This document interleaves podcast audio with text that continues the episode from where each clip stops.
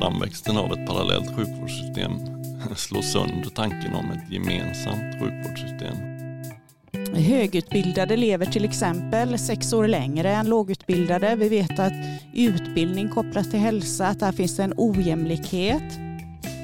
Vården står inför stora utmaningar. Vi har en åldrande befolkning och begränsade resurser och fler kommer att behöva vård samtidigt. Digitaliseringen ger möjligheter men innebär också nya utmaningar.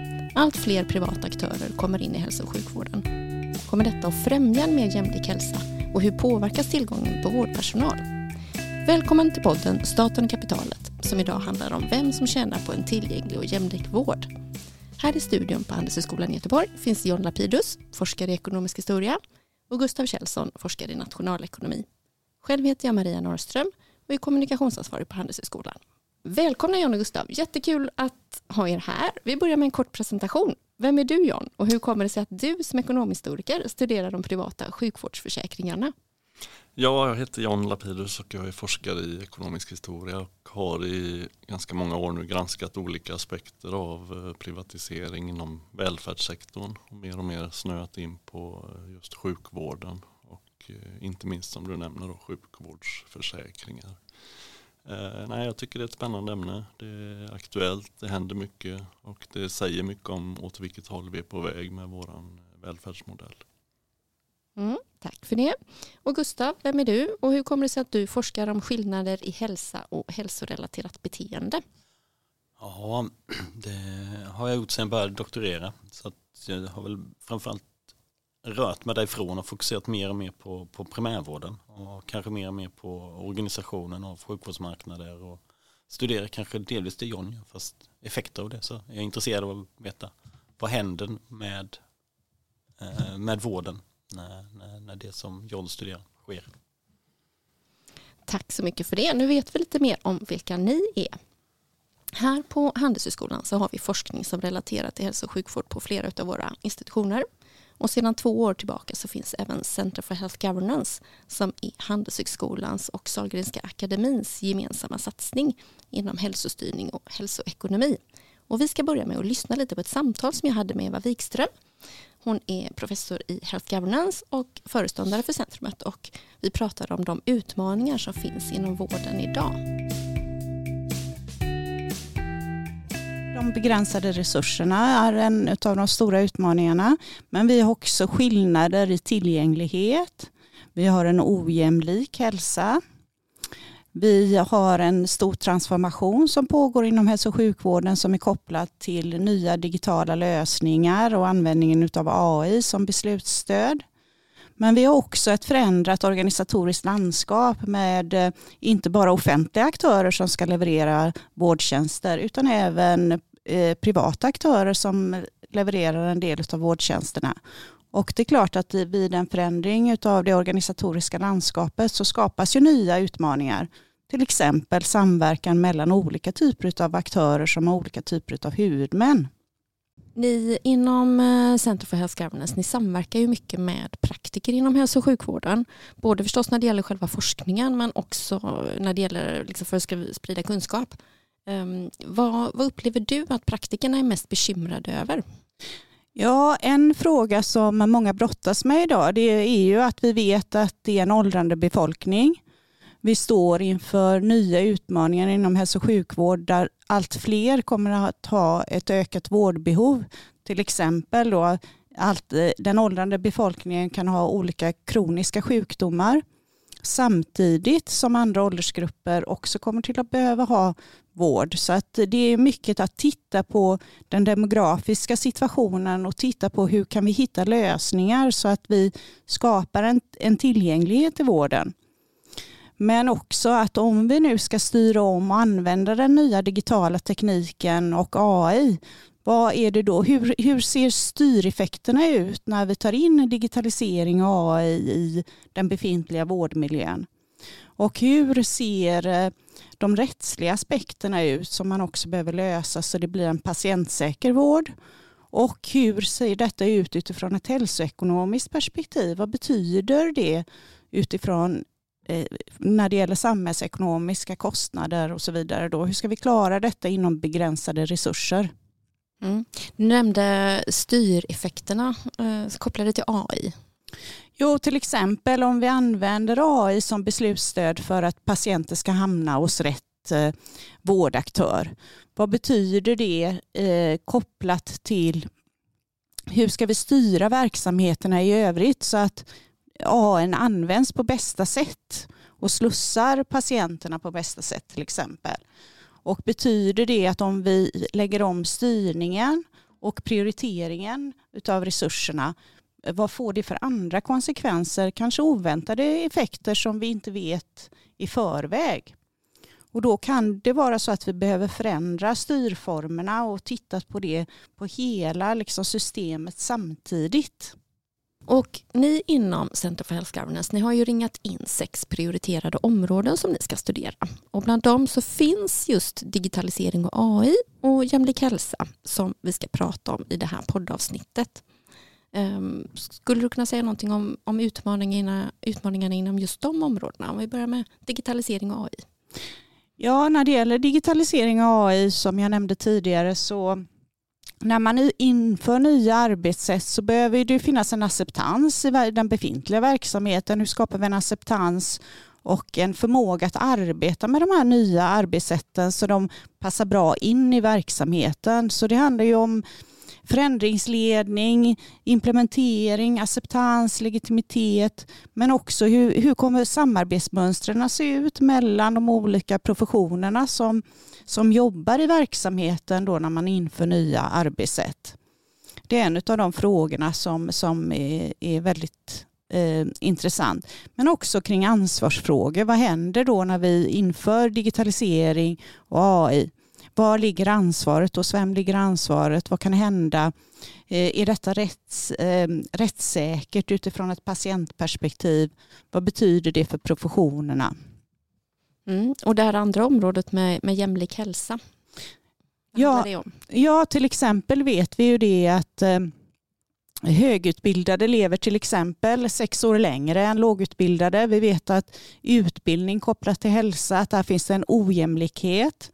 Vi vet att beroende på vilken ålder man har, vilket kön man har, var man bor så eh, har man olika tillgång till hälso och sjukvård och olika typer av hälsa. En fråga som vi inte har pratat om det är ju den här med mötet mellan privata och offentliga aktörer.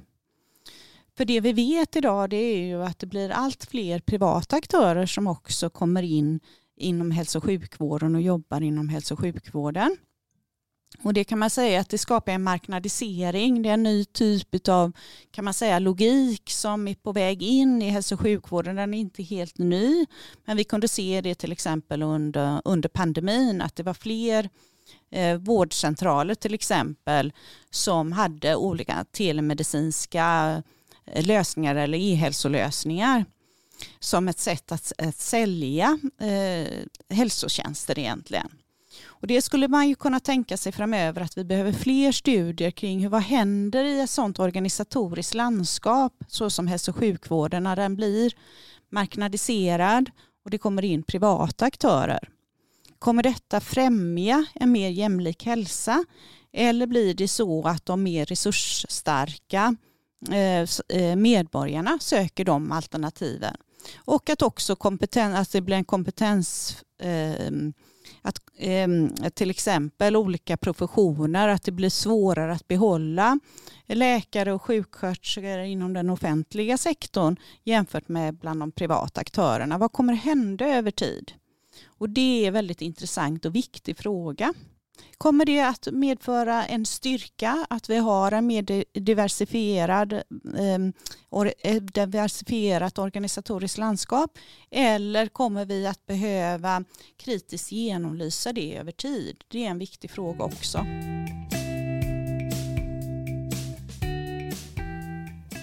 Ja, Gustav och John, vad tänker ni om det som Eva säger? Ja, hon har många intressanta och viktiga poänger där övergripande vad som händer inom hälso och sjukvården. Så det var intressant lyssning. Ja, nej, men det har, kan bara hålla med. Spännande utveckling med. Och det gäller att hålla många bollar i luften samtidigt tänker jag. Eh, John, Eva pratar ju om att hälso och sjukvården har blivit en marknad eh, och att de eh, privata sjukvårdsförsäkringarna som du har studerat och även skrivit en bok om, om jag Stämmer. har förstått rätt. Mm. Eh, Det är ju ett exempel på detta. Och om vi, vi ska ju prata lite grann om det här och då kanske vi ska börja med att förklara vad privata sjukvårdsförsäkringar är. Vad, vad innebär det att ha en privat sjukvårdsförsäkring och hur funkar det? Ja, det det innebär är ju framförallt i den svenska versionen, det finns olika i olika länder, typer av sjukvårdsförsäkringar, men, men den svenska handlar ju om att få snabbare tillträde till vård.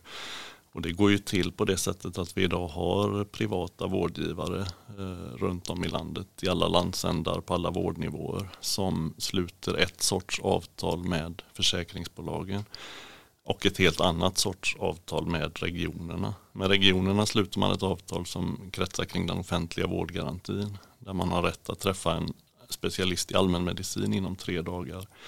Och sen dröjer det 90 dagar innan man får träffa en specialist och sen ytterligare 90 dagar innan man får påbörjad behandling om man så behöver.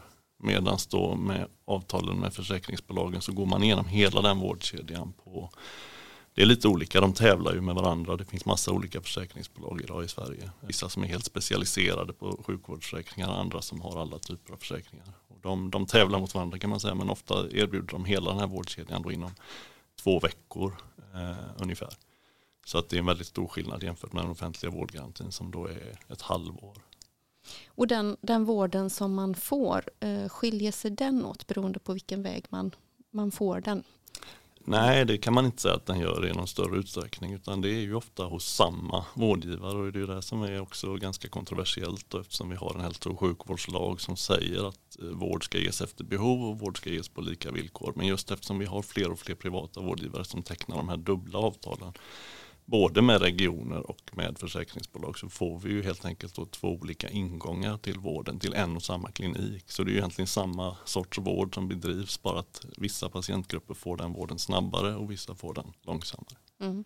Och eh, den vård man kan få via en privat sjukvårdsförsäkring, eh, hur är det då? Det är inte, om jag tror att jag har halsfluss och skulle gått eller går till en vårdförsäkring, det är inte den typen av vård utan det är annan Det är typ. ju i första hand specialistvård men det här förändras ju hela tiden och, och ju mer sjukvårdsförsäkringarna växer i styrka så växer de både kan man säga horisontellt, det vill säga att det blir fler och fler som tecknar sjukvårdsförsäkringar vilket vi ser en väldigt snabb ökning de sista 20 åren i Sverige. Det kom nyligen siffror på att det har ökat med 40 000 till i år från branschorganisationen Svensk Försäkring. Så det är ju den horisontella ökningen kan man säga. Men det finns också en vertikal ökning då där allt fler specialiteter och allt mer högspecialiserad vård ingår i de här försäkringarna. Och eh, om, eh, om man söker vård via de offentliga kanalerna, vem bekostar den vården? Ja, alltså det handlar ju om eh, det vi kan kalla för finansieringen av vården då. Mm. Och eh, så som det var då enligt den svenska välfärdsmodellens principer så skulle ju den vara i stort sett 100% offentligt finansierad. Det vill säga att staten tar in skattemedel, eller regionerna snarare, och så, och så pytsar man ut dem till, till sjukvården då. Då har man ett offentligt finansierat system. Det som händer nu med privata sjukvårdsförsäkringar det är för att vi får en parallell finansiering då, där det är mer inslag av privat finansiering. Ehm, samtidigt så finns det, ibland pratar vi lite slarvigt om privatisering som ett samlingsbegrepp men det är viktigt också att skilja på privatisering av finansieringen, alltså vem finansierar vården, finansieras den privat, finansieras den via skattemedel. Men sen så har vi också driftsprivatisering som också är en viktig kugge i detta. Och det handlar ju helt enkelt om det här vi brukar kalla för ibland vinster i välfärden, alltså vem, vem driver vården, vem äger vården. Och det är en helt annan sorts privatisering. Men jag menar i mina eh, artiklar och min forskning att de här två hör väldigt tätt samman och triggar varandra på olika sätt. Så ju mer vi privatiserar driften desto mer privatiserar vi också finansieringen och vice versa. Mm. Men om jag till exempel skulle behöva operera eh, min hand och söker mig till min vanliga, om jag inte har någon försäkring, då bekostas den operationen av offentliga medel. Men om jag har en sjukvårdsförsäkring och använder den, då är det min premie som bekostar läkaren som opererar. Det är så det ska vara, det är så det är tänkt att vara. Sen om det alltid är så, det kan vi diskutera också. För att ibland så blir det så att eh, försäkringsbolagen kanske skickar den patienten ytterligare vidare till någon annan instans och då kanske ändå kostnaderna till slut hamnar på det offentliga på olika sätt. Men, men så, så, så ska det ju vara. Att, att eh, kommer man med sin försäkring så ska det vara privat finansierat. Mm. Um, hur vanligt är det att man har en privat sjukvårdsförsäkring? Det har som sagt ökat väldigt hastigt. Det är närmare 800 000 eh, individer, alltså 15 procent ungefär av den arbetsföra befolkningen i Sverige som har försäkringar idag. Det vanligaste är att man tecknar via sin arbetsgivare. Det blir allt vanligare att man tecknar via sin fackförening. Vi ser idag att eh, tjänstemannafacken inom TCO och SACO erbjuder i allt större utsträckning försäkringar åt sina medlemmar. Eh, och sen kan man för det tredje teckna den helt på egen hand. Men det är det, det minst vanliga av de tre. Mm. Du nämnde att, att uh, sjukvårdsförsäkringarna ökar snabbt. Uh, varför tror du att det är så?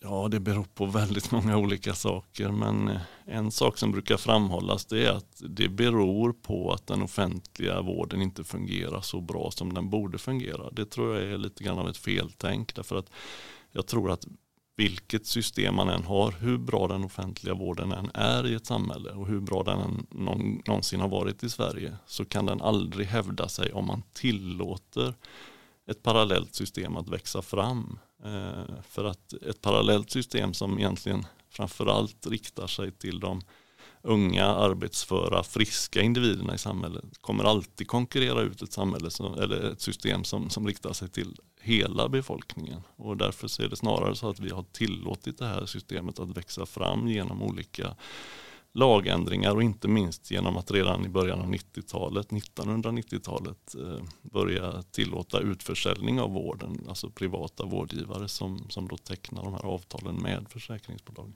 Om jag har förstått rätt så menar du att privatiseringen inom hälso och sjukvård får konsekvenser både för jämlikheten men också för det gemensamma sjukvårdssystemet.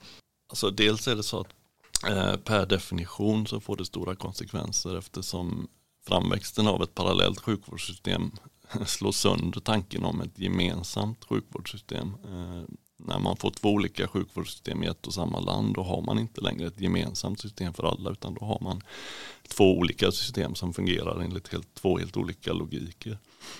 Sen eh, är det ju så att på olika sätt så riskerar en sån utveckling att, att urholka det offentliga systemet än mer än bara per definition, det vill säga slå sönder det gemensamma. Det kan ju också bli så att den som anser sig ha löst sin vård på, på egen hand och med egna medel inte blir lika villig att bidra till den offentliga vården som den personen inte längre upplever sig använda via skattsedeln och det kan ju leda till en minskad eh, skattevilja. Eh, man kan också tänka sig att eh, det får opinionsmässiga konsekvenser där eh, det är en viss vissa grupper inom befolkningen får en ventil idag ut ur systemet. Alltså många är ju kritiska till hur den offentliga vården fungerar. Och då säger politikerna ni, de mest röststarka grupperna i samhället, ni kan få teckna privata sjukvårdsförsäkringar istället. Så behöver ni inte komma till oss och klaga på att den offentliga vården inte fungerar. Därför att det är så det blir i praktiken att när man har man en privat sjukvårdsförsäkring då, då har man kanske inte längre samma egenintresse av att den offentliga vården ska fungera på bästa sätt och man ser heller inte längre bristerna i den offentliga vården. Vilket gör att eh, de som kanske hade satt mest press på politikerna att faktiskt fixa till bristerna i den offentliga vården, de försvinner ut i systemet. Eh, och det är också ett sätt för politikerna att, att undvika skuld, det som i forskningslitteraturen kallas för blame avoidance. Alltså att man politikerna slipper få kritik från de här grupperna som har fått en, en ventil ut ur det offentliga systemet. Mm. Frågan som vi ställer oss i det här poddavsnittet är vem som tjänar på en tillgänglig och jämlik vård. Vem anser du tjänar på de privata sjukvårdsförsäkringarna? Ja, det är ju stora grupper som är väldigt nöjda med sin privata sjukvårdsförsäkring så det skapar ju en slags eh, polarisering på det sättet i samhället att vi får allt större grupper som som tycker sig vara nöjda med den här förturen till, till sjukvård. Och vi har idag 800 000 personer nästan som har tecknat en sjukvårdsförsäkring och jag tror att de flesta av dem tjänar på det på, på något sätt. Eh, sen har vi ju allt större och mer tongivande aktörer både på den privata vårdmarknaden, de privata vårdgivarna och försäkringsbolagen som är då organiserade i olika lobbyorganisationer kan man säga. Eh, de privata vårdgivarna i en slags kedja med Svenskt Näringsliv på toppen och så Almega för tjänsteföretagen och sen kommer vårdföretagarna. Och alla dessa organisationer har ju någonting att tjäna på att det här systemet växer fram. Du nämnde lite inledningsvis här att det är vanligt att man tecknar den här typen av försäkring via sin arbetsgivare. Och att arbetsgivaren då har ett intresse i att medarbetarna kommer tillbaka snabbt till ehm, ja, tillbaka av dem efter sjukdom.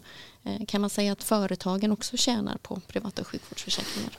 Ja, det kan man ju göra, vissa företag i alla fall. För att vi får ju ett mer och mer skiktat system där det kan bli så också att de inom citationstecken bästa arbetsgivarna erbjuder de bästa sjukvårdsförsäkringarna och de lite sämre arbetsgivarna erbjuder en sjukvårdsförsäkring som inte kanske täcker allting. Så att vi får även bland de som har försäkringar ett, ett en, en slags skiktning. Vissa menar ju ändå att sjukvårdsförsäkringarna avlastar samhället. Um, om, man, om man tänker, liksom, om man tar, sätter på sig nationalekonomihatten och, och tänker kring detta, vad, hur ser det ut då? Ja, det är ju ett argument som har satt sig tror jag väldigt väl för att man söker också eftersom många upplever det här som lite känsligt. Vi har en lagstiftning som säger vård på lika villkor. Samtidigt har jag min försäkring som gör att jag kan få förtur till vården. Eh, alla de här människorna som, som har det på det sättet, de, de, de vill gärna få lite legitimitet. Även de fack som tecknar försäkringar vill gärna höra från försäkringsbolagen och de privata vårdgivarna att nej, nej, det här är ingen fara för systemet. Du gör tvärtom nytta när du tecknar din försäkring. Eh, och då har man kommit fram till argumentet att det faktiskt avlastar den offentliga vården på olika sätt. Och som med alla myter som jag skulle kalla påstå att detta är så, så de bästa myterna är ju de som det finns ett litet litet uns av, av sanning eller logik i. Och logiken är ju här att ju fler som lämnar den offentliga vården desto mer resurser blir det ju kvar i den offentliga vården till de som är kvar. Så att det är ju bara bra om fler och fler människor lämnar för då kommer det bli jättemycket resurser kvar till de som är kvar i den offentliga vården. Eh, det är ett väldigt statiskt sätt att se på ett samhälle och hur det fungerar. Det här är komplexa eh, saker som, som eh, eh, och mekanismer som är i görningen i samhället och som gör att så fungerar det inte alls på det sättet att, att resurserna kommer växa i den offentliga sektorn ju fler som som lämnar systemet och, och, och, känner att de inte längre tillhör det. Utan tvärtom så bygger ett välfungerande offentligt system på att alla grupper och klasser känner att de är med där och, och bidrar till det och använder det. Mm. Gustav, mm. du som är forskare i nationalekonomi, har du något? Något att tillägga i frågan här? Alltså, huruvida det avlastar eh, den offentliga vården mm. är väl en empirisk fråga som jag tycker är ganska dåligt belägd. Och, eh, Ja, precis. Det finns inte så mycket empiriska resultat. Jag kan tänka mig att det finns ju en logik i att om man ökar finansieringen genom att man betalar privata försäkringar och samtidigt behåller samma nivå av offentlig finansiering så finns det ju en eh, möjlighet att eh, det mycket väl kan avlasta eh, vården. Men precis som John säger så är det på annat sätt Eh, på en längre sikt så når du ju den här adverse selection eller snedvridet urval situationen där det är bara de friska som lämnar eh, och du har de sjuka kvar i, i det offentliga systemet. Så eh, det brukar inte leda till att den offentliga vården blir bättre. Jag tror att du kan titta på många, många andra länder med den typ av parallella system där den offentliga vården är långt ifrån bra. Mm. Eh, tack så mycket Jan. Eh, vi byter ämne och glider över till det andra temat som vi ska prata om här idag. Eh, digitaliseringen av vården. Och du Gustav har ju studerat eh, vårdappar och nätläkare och vad det innebär för primärvården. Om den avlastas eller om patienterna i själva verket kanske bara söker mer vård. Först tänker jag att vi kanske ska definiera vad ingår i det som, som kallas för primärvård och vad ingår inte? Ja, återigen så varierar det säkert mellan, mellan våra 21 regioner vi har. Men man brukar prata om primärvården som första linjens vård. Liksom, så man kan tänka på det som ja, den som vård du får när du går till vårdcentralen eller BVC i allra, i allra största, största, delar. Och sen i nästa steg skulle det vara sekundärvård. Det det du skulle vara mer specialiserad vård och vård som du gör på sjukhuset. Mm. Hur länge har det funnits nätläkare och hur funkar det? Ofta använder man nätläkare som ett lite slarvigt uttryck för att prata om digitala vårdbesök. Och framförallt privata digitala vårdbesök som görs eh, on demand så att säga där patienten själv kan ringa upp en, en läkare via chatt eller video. Och, eh, det här började runt 2016 eh, då var ett antal vårdgivare som gick in på eh, den här marknaden genom att upprätta avtal med vårdcentraler i eh, enskilda landsting. Och genom en eh, förändring i regelverket så kunde patienter från hela landet höra av sig till de här vårdcentralerna eh, digitalt. Ehm, och det ersattes eh, via hemlandstinget eller hemregionen via, via reglering som, som då, Sveriges regioner och lands, Sveriges kommuner och regioner upprättades. Det fanns ett utomlandsavtal som specificerade hur mycket, hur mycket man behövde betala. Mm. Och vad fick det för effekter? Blev det en stor tillströmning till de här? Ja, initialt så, så kom det väl lite mer och mer och upp till eh, ökade fram till 2020 eh, och än mer under pandemin. Eh, och därefter har ju även offentliga vårdcentraler och så vidare följt efter och liksom skapat liknande appar och, mm. Även andra vårds, vårdcentraler mer, eh, som Capio har ju sin egen app. Vilka grupper är det som använder sig av äh, nätläkare? Ja, går man tillbaka och tittar från, från de första åren så var det tydligt att det var eh, yngre barn eh, och ungdomar och eh, ja, unga vuxna och väldigt unga barn. Du har ju studerat det här. Eh, vad har du kommit fram till i dina studier? Är det avlastas primärvården genom att det finns möjlighet att söka hjälp digitalt? Ja, det är en, det är en fråga som är svar liknande som, som på Johns. Alltså, tänker man rent um, teoretiskt så finns det den potentialen. Man kan tänka sig att ett enskilt besök är betydligt billigare eh, att göra digitalt än att göra offentligt eller att göra fysiskt. Så då skulle man kunna tänka sig att de här vårdapparna faktiskt avvakta, avlasta vårdcentralerna. Men eh, så är ju nödvändigtvis inte fallet. Om man tänker sig att all form av digital teknik och effekten av digital teknik eh, brukar bestämmas av hur, hur eh, patienter och läkare och interagerar med den nya tekniken. Och så här kan man tänka sig att det inte bara eh, sker en substitution från fysisk vård till digital vård utan det kan också vara så att den digitala vården är så lättillgänglig så att den kan mycket väl också öka eh, den totala mängden vård. Du menar att man, man söker vård digitalt men man hade inte orkat gå iväg till vårdcentralen? Ja exakt, eh, precis. Alltså, om man går tillbaka till, alltså det, de här nätläkarna är ju till viss del svar på samma problematik, om man ska säga det som eh, de privata sjukförsäkringarna i ett system som det svenska där man bestämmer eh, politiskt hur mycket vård som ska, som ska produceras så är det väl ofta så att de som de med mindre besvärliga problem kanske upplever att eh, det är svårt att nå vården. Man har ett upplevt tillgänglighet, ett faktiskt eller upplevt tillgänglighetsproblem. Och det leder ju till efterfrågan på de här tjänsterna. Och eh, om man då dessutom då slipper ta kostnaden eh, som det innebär att faktiskt ta sig till vårdcentralen och bara enkelt kan höra av sig till eh, de här apparna istället, lappföretagen. Så kan man tänka sig att det skulle leda till en ökning i efterfrågan på, på eh, sjukvård och primärvård. Får vårdgivaren eh, olika ersättning beroende på om patienten söker via den digitala vägen eller den fysiska? Ja, igen, det, det, jag tror det varierar kraftigt mellan, mellan de olika, olika, olika landsting och, och avtalen så, så, som finns. Men, men om man går tillbaka till början eh, så fanns det väldigt tydliga skillnader liksom, där du har vårdcentraler som betalas eh, per, per, list, per eh, patient som är listad hos vårdcentralen medan de här vårdappsföretagen fick betalt per besök. Och till viss del så kvarstår även de incitamenten fortfarande så att många av de här företagen har incitament till att producera fler besök. Så det är inte bara på efterfrågansidan utan det kan också finnas eh, på utbudssidan så att det finns incitament att skapa fler besök. Så det vi gjort i vår studie är att titta på huruvida de här nätläkarna eller de digitala vårdapparna har potential att avlasta vårdcentral eller fysisk vård.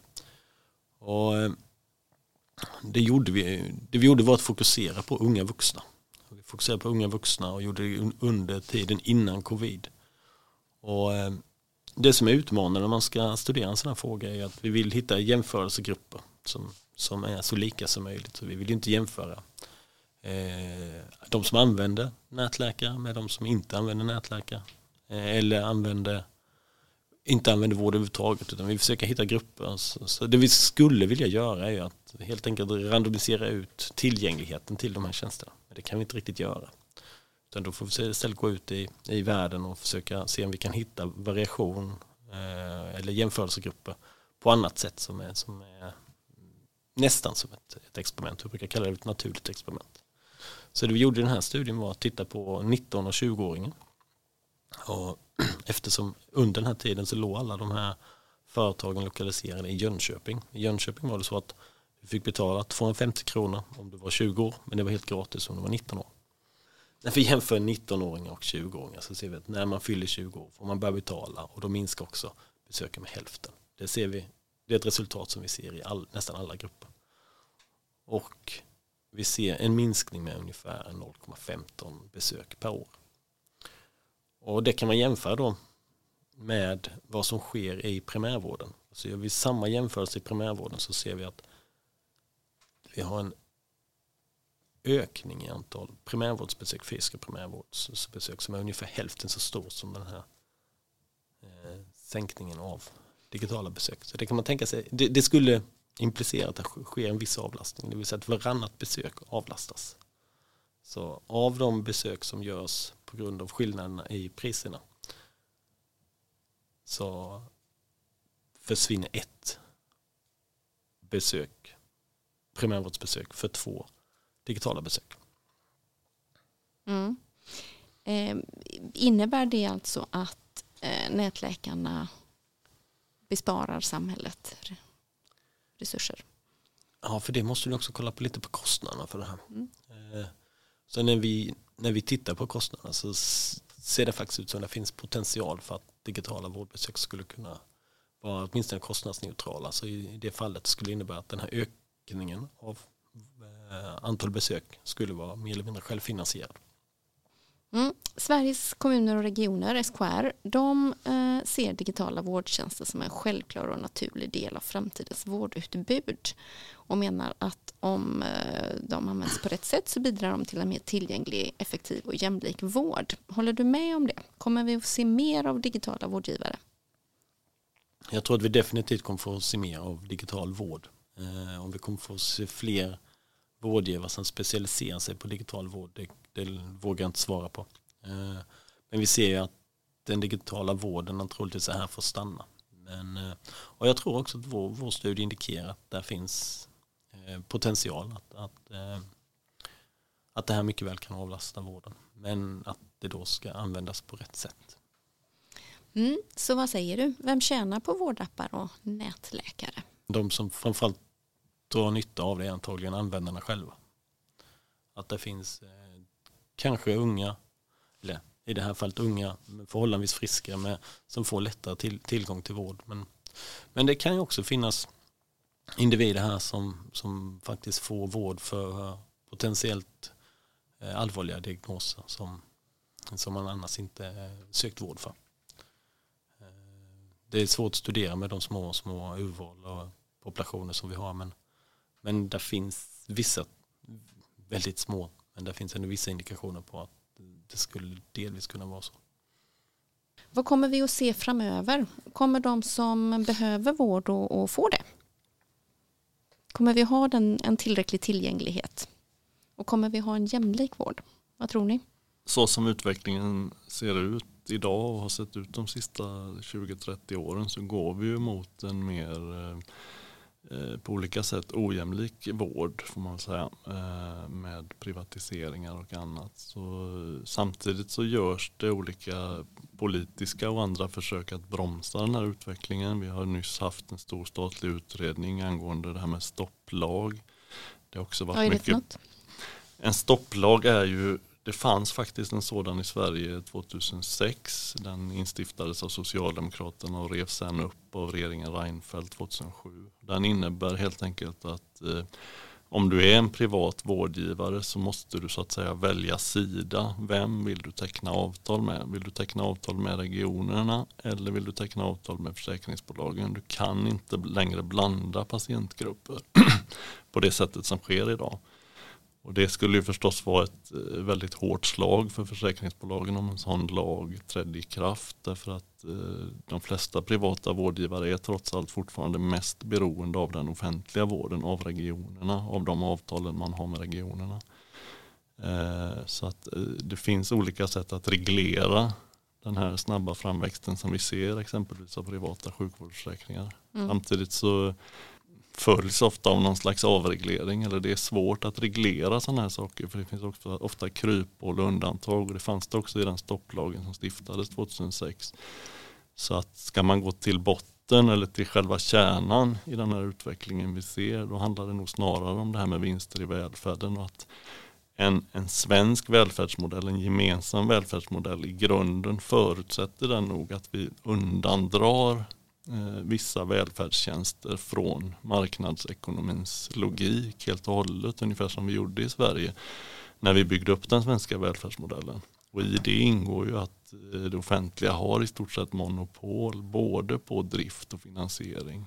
Och så fort man börjar luckra upp det, och då får vi en utveckling som den som vi ser idag. Som kan vara av godo eller av ondo beroende på vad man har för preferenser. Men som definitivt leder till ökad ojämlikhet och som man kan med fog anse jag hävda är ett brott mot den, den, den lagstiftning vi har på hälso och sjukvårdsområdet. Mm. Eh, vad tror du Gustav, eh, om man tittar framåt när det gäller tillgänglighet och jämlikhet? Jäm, jämlik tillgång till vård. Hur vi kommer få en mer jämlik tillgång till vård? Ja, det är frågan. Eh, det är ju mycket av de här sakerna som växer fram, det vill säga närakuter, telemedicin, är ju till för att liksom ge mer access till eh, en grupp som kanske har som kanske tycker det är svårt att, att nå vården idag. Eh, det finns ju potential att det här skulle kunna hjälpa grupper som tycker det är svårt att navigera vården idag. Det vill säga att man kan få människor till att börja använda vården som inte använder vården. Det vill säga att det finns potential med den ökade tillgängligheten att faktiskt nå utsatta grupper eller grupper som, som bor på landsbygden. Det vill säga att det finns ju, den digitaliseringen skulle kunna användas till att faktiskt eh, öka accessen till, till de här personerna. Men då krävs det nog att eh, man har en annan policy än eh, det man haft än så länge vad gäller digitaliseringen där det verkar vara så att det är framförallt de som är digitalt litterära eller vad man ska säga eh, som är bättre på att använda de här tjänsterna. Så, eh, men kan man, kan man hitta sätt att öka det, användningen av digitala tjänster bland de grupperna så tror jag att eh, digitalisering mycket väl kan, kan påverka jämlikheten positivt. Mm. Vi har ju kommit in på det här med att eh, hälso och sjukvården har blivit en marknad där det finns både offentliga och privata aktörer.